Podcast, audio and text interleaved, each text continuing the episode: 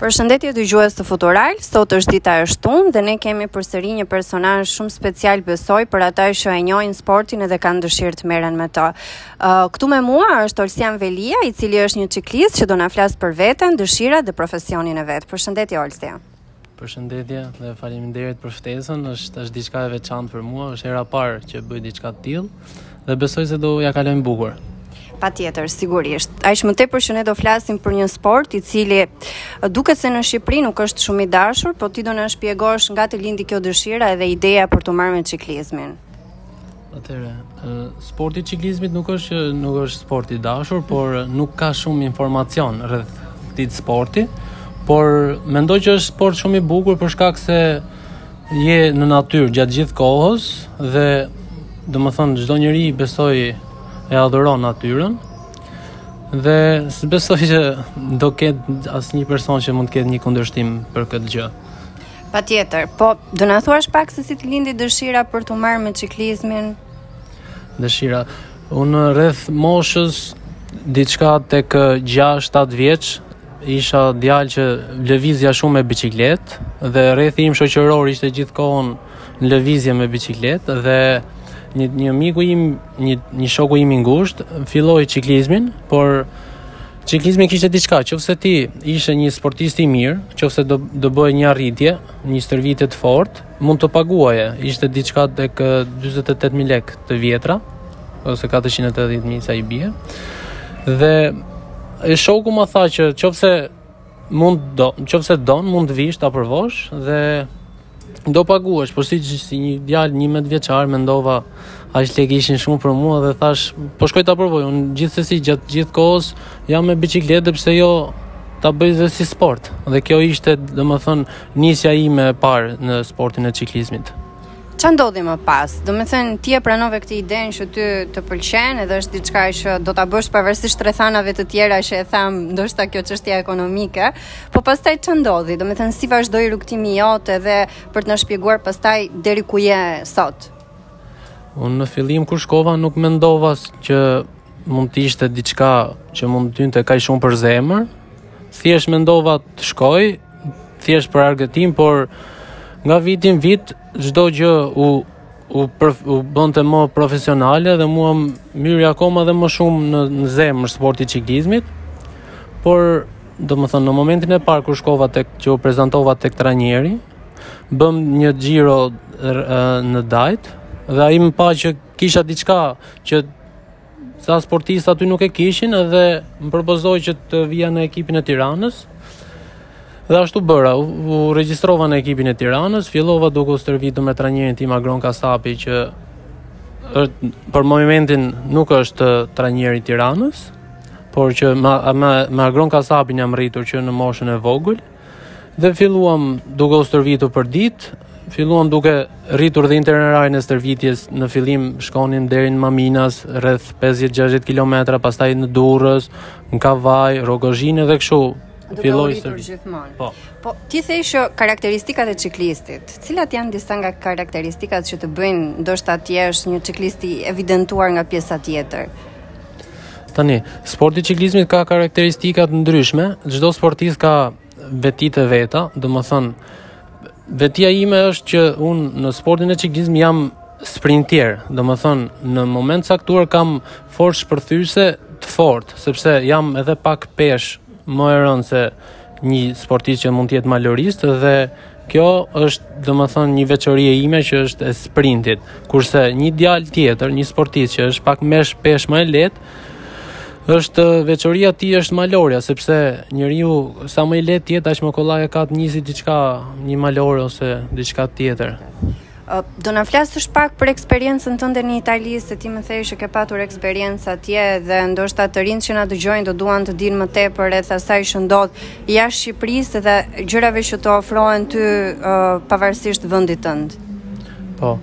Uh, unë vazhdova çiklizmin rreth uh, 3 vite në Shqipëri. Pastaj erdhën Erdhën disa persona që janë në lidhje me sportin e çiklizmit, që shikojnë sportistat më të mirë të vendeve dhe më spikatën mua dhe një një shokun tim të ekipit, shkuam në vitin 2008, mos gabohem, bashkë me shokun tim.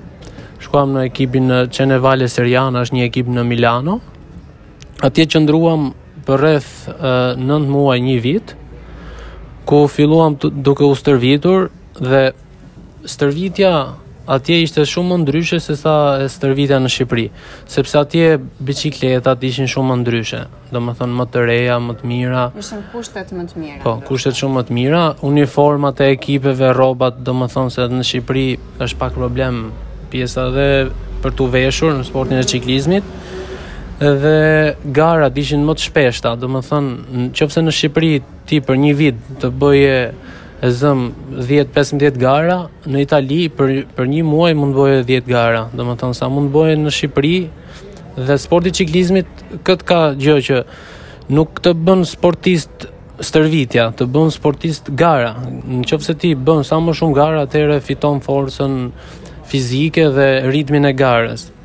Dhe në Itali e mora veten shumë mirë, fillova duke duke mbaruar garat sepse atje në Itali është edhe problemi që ti mund të jesh i fortë, por janë të tjerët akoma edhe më të fortë se ty. Dhe gjëja e parë që duhet të bësh është që Të mësohesh me ritmin e garave dhe të fillosh të mbarosh garat, pastaj të shofësh që të futesh brenda dhjetëshes edhe kështu. Ë, uh, por si fillim më shkoi më shkoi shumë mirë.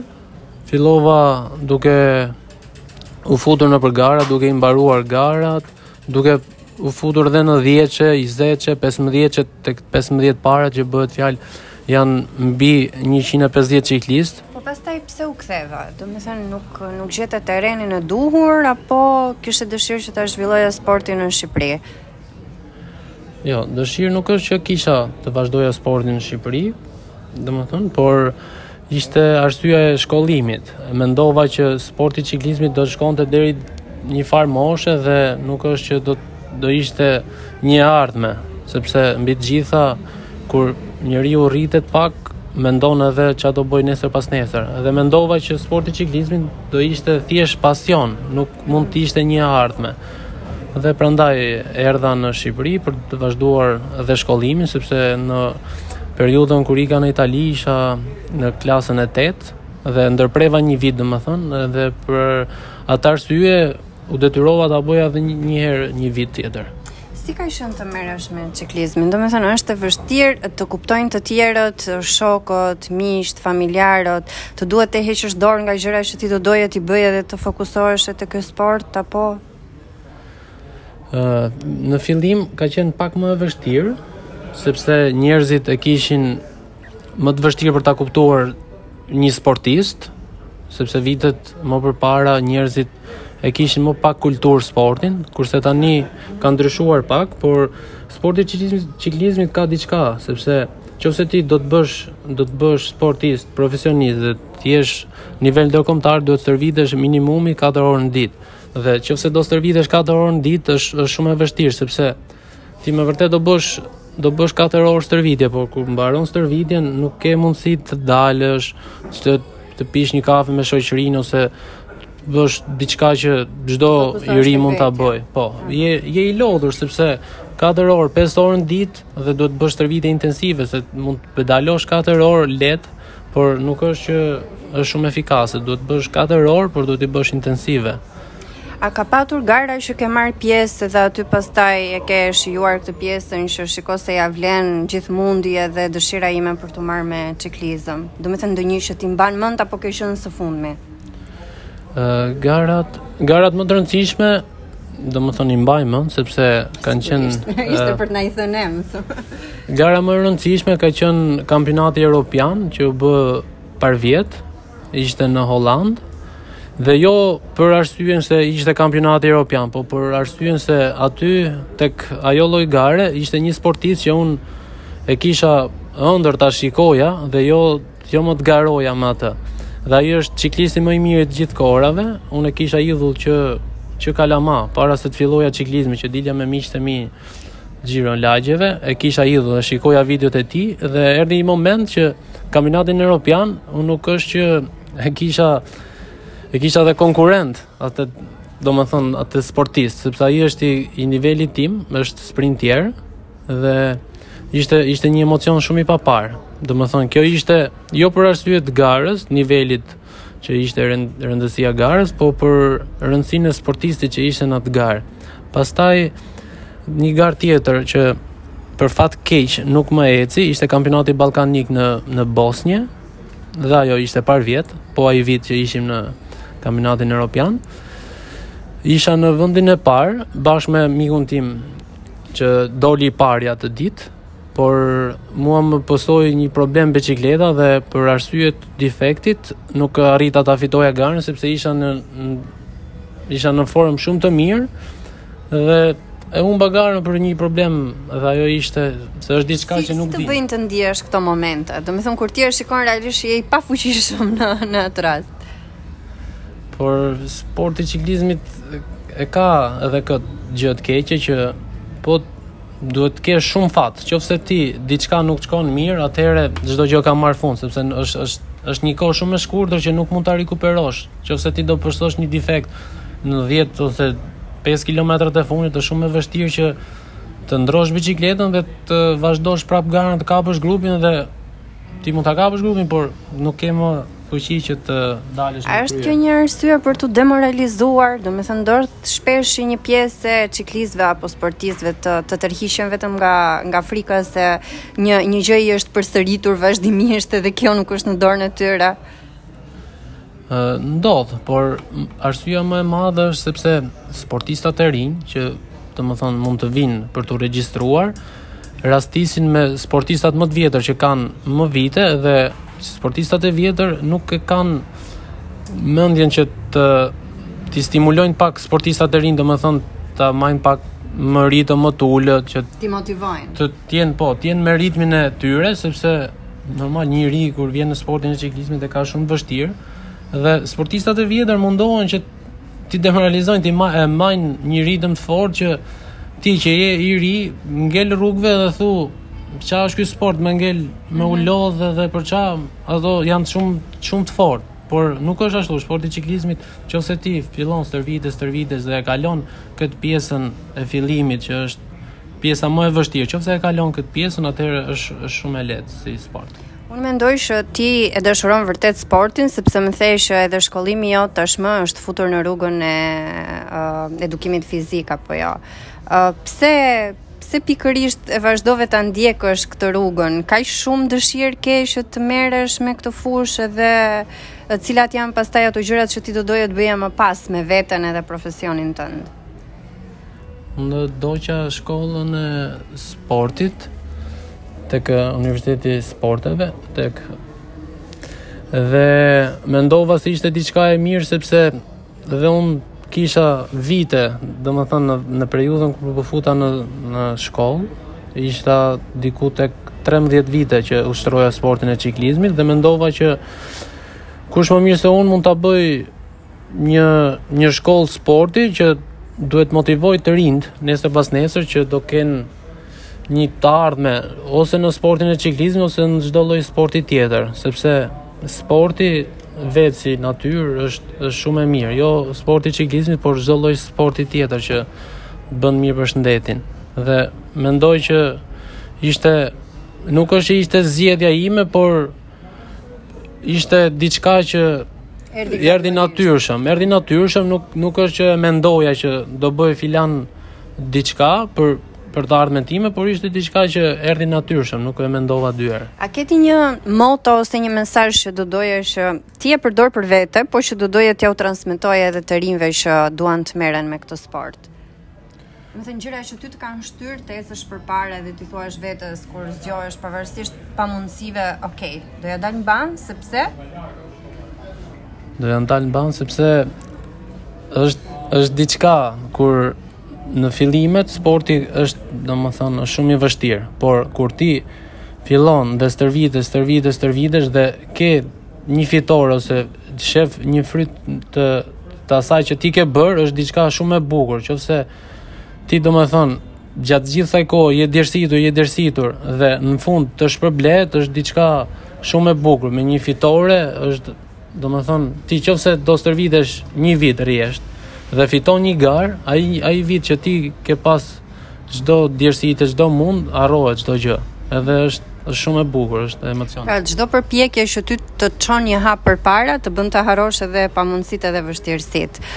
Por unë në fakt do doja të dija edhe për këtë pjesën tjetër që ti tashmë dëshiron edhe ta ta shtosh këtë në përfshirjen tënde në sport edhe duke u marr në në klasat e spinning, pra në në palestër, ku dëshiron edhe aty që Pjesëmarrësit të japin maksimumin, pavarësisht se ka dembele si puna ime dhe mund të ketë dembele si puna ime. Çfarë cilat janë gjërat që uh, dëshiron ti, domethënë të transmetosh tek njerëzit që duhan ta, ta bëjnë atë gjë, por që shpeshherë është kjo pamundësia për të, për t'u përfshirë dhe për ta patur sportin e çiklizmit apo çdo sporti tjetër si parësor. Unë mendoj se... Si do më nxitësh mua që jam përtace, është pyetja. Kuptoj. Pa u lëritur. Tani, sporti i spinningut është, është, është diçka e re në Shqipëri, sepse nuk ka shumë vite që është futur në, në Shqipëri. Por mendoj që çdo njeri nuk uh, arrin të nxjerrë komplet limitet e veta dhe mendojnë si shumica që kam personat që kam klas mendojnë që Aty e kanë limitin, por ato nuk e kuptojnë që aty ka filluar gjysma e stërvitjes. Dhe dhe besoj që gjithë personat që vinë në palestër dhe bëjnë këtë lloj gjëje, është e sigurt që do kenë një një përfitim ose nga ana shëndetësore, që mund të jetë shëndeti, të mirat e, e saj, Dhe ana e peshës, domethënë se shumica që vinë, vinë për t'u dobësuar, sepse shqiptarët nuk e kanë shumë kulturë, domethënë, ta bëjnë sportin, edhe që një person, qoftë se ka trupin e mirë, nuk shkon në palestër, dhe thotë nuk kam nevojë të shkoj, por jashtë është pak më ndryshe, një person që ka trupin e mirë, është shkon prapë palestër. Olsian, ti ke luksin të punosh me goca, atë nga të mojnë goca të më, atër ishin nga ideja që të shumë sportist, Unë jam jam pak person që nuk nuk i vej re këto gjëra. Pastaj nuk na dëgjon njeri. Jo, jo, normal. nuk është nuk jam person që i vej re këto gjëra sepse jam tip shumë gazmor dhe çdo gjë, nëse do ketë diçka, një ngacmim ose diçka tjetër, unë e marr shumë sportive. Në mënyrë shumë sportive dhe nuk është që ia vë shumë veshin, por besoj natyra ime i Po shiko se kjo është gjë e mirë, nuk është për të thënë nuk nuk ia vë shumë veshin. shiko aspektin pozitiv.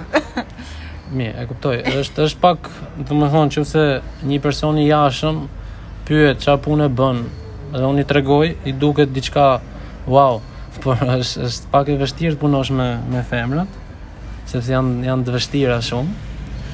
Por nuk kam pasur, dhe s'besoj se do mund të kem ndonjëherë ndonjë ngacmim, sepse unë jam tip që në moment kur vajzat vijnë tek palestra i i bëj më shumë shoqëri sesa t'i t'i t'i t'i jap një përshtypje tjetër, thjesht për shoqëri. Po kohën e lirë si e kalon? Domethënë përveç çiklizmit, a ka gjëra që të pëlqejnë të, të bësh edhe i shijon, pastaj kur përfundon këtë stërvitjen edhe lodhjen e vazhdueshme? Mbasi mbaroj stërvitjen, më pëlqen të udhëtoj me, me motor, mm -hmm. Të gjithsesi prap shkoj nëpër male, që është diçka që ka lidhje prap me sportin. Edhe kjo është domethënë që më qoftë kur mbaroj sportin e çiklizmit, shkoj në shtëpi, shplodhem pak dhe marr motorin tim dhe bashkë me të fejuarën time, shkojmë në det, në mal ose varet. Po, cilat janë planet për të ardhmen? Domethënë, ka diçka që dëshiron ta bësh, apo një synim që vjen më pas? Plane për të ardhmen. Plani im i vetëm është që të mbaroj shkollën, domethënë, masterin, jam në përfundim, jam në vit të fundit masterit, dhe besoj Që kur ta mbaroj do do jem një profesor fizkulture, profesor i, fiz, i edukimit fizik i mirë, besoj. Dhe shikojmë, shikojmë, nuk shumë suksese. A ke ti një mesazh për të rinjtë se futurali dëgjohet nga të rinjtë që ndoshta do duan që të ndjekin pasionet që ke ndjekur edhe ti? Um, a ke ti diçka që dëshiron t'ua thuash tani në fund të podcastit, sepse jemi jemi drejt fundit realisht edhe do ishte shumë mirë që të të merrnin një mesazh nga nga nga dikush që vlerëson sportin, por që ka patur edhe rezultate me të. Ë uh, gjithë të rinjve i them që të merren me çdo lloj sporti, Çdo lloj sporti të jetë, jo çiklizëm, por çdo lloj gjoje që që ka lidhje me me me me me trupin e njeriut, të merren sepse është diçka që për momentin nuk nuk nuk ja kupton rëndësinë sportit, por kur kalojnë vitet dhe ti e kupton që ajo lloj gjoje Të ka bërë shumë shumë mirë që për trupin për të pas një fizik më të mirë, një shëndet. Unë e shoh vetë tek tek fiziku im që nuk kam pasur asnjë lloj problemi dhe për shkak kësaj pandemisë që kaluam dhe po e kalojmë akoma, unë nuk pata asnjë lloj shqetësimi, nuk nuk më preku asnjë lloj asnjëherë asnjë smundje dhe besoj që Një arsye ka qenë edhe vitet e mia, prej 16 vitesh që jam marrë me sportin e çiklizmit. Pra, le të merremi me sport, jo vetëm për atë çështjen që shpesh lidhet me mendimet edhe shkarkimin emocional që ne bëjmë gjatë uh, sportit, por edhe fizikisht, ë, të mbetemi të shëndetshëm edhe të kujdesemi për veten ton për veten jo në rastet kur ndihemi keq, por gjatë gjithë kohës. Olsian unë të falenderoj shumë edhe faleminderit edhe për mesazhet, edhe për punën, edhe për gjithçka tjetër që lidhet me arritjet e tua dhe ato që ti dëshiron të bësh. Faleminderit juve, ishte kënaqësi për mua.